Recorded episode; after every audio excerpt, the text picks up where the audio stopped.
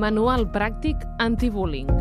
Oriol Julià, de CERT, Salut i Educació Emocional. Aturar les agressions.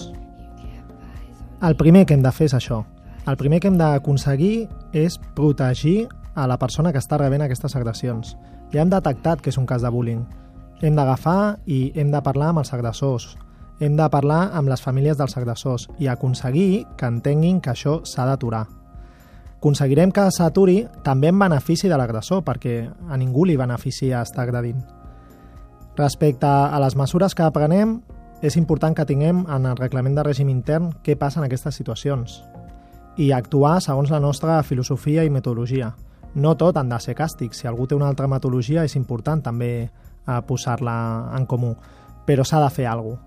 És important per la víctima també veure que es fa alguna cosa, que la institució no està d'acord amb això i que aquest és el primer pas per sanar tant la part de la víctima com la part de l'agressor.